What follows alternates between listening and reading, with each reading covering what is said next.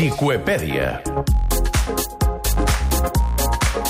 El capítol d'avui de la Xicoepèdia versa sobre un ciclista, però, Marta García, bona vesprà. Bona vesprà. No dels que guanyen, al contrari. No dels que guanyen, però atenció, eh? perquè és un ciclista a qui se li coneix com a Mr. Grand Tour, té 36 anys, és australià, però viu en la República Txeca i és gregari d'André Greipel en el Lotto Soudal. Per què parlem d'ell? Doncs perquè després d'haver disputat la Vuelta, on ha acabat en la 95a posició, ha completat, atenció a lo que diré ara, la 19a gran volta consecutiva.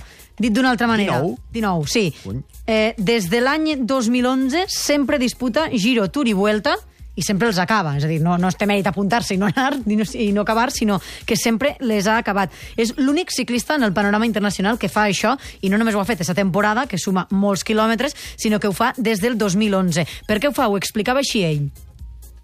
I was just brought up that you should do everything at 100%, and you know, I like testing the body, doing things to the Així mos explica que li agrada provar el seu cos, posar-lo al límit i que és interessant per a ell, perquè al final tot és un repte i que li agrada sempre doncs, mirar d'intentar aconseguir-lo. La seva millor participació va ser en la Vuelta 2014, va acabar 53è i va guanyar la 19a etapa. Adam Hansen was looking to collect his second career stage victory in a Grand Tour.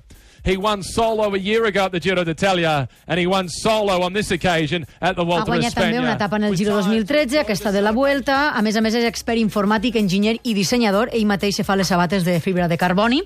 Té una empresa en la que doncs, eh, se dedica a fer això, roba i material de ciclisme, i dins de, del pilot doncs, és molt conegut per això, perquè ningú Uh, se dedica a fer les tres grans seguides en una mateixa temporada i a més a més ell ho porta fent consecutivament des del 2011. N'hi ha que seleccionen i aquest no se'n perd eh, ni, se'n perd ni una. Adam Hansen, a la Xicoepèdia d'avui. Gràcies, Xicue. Adeu.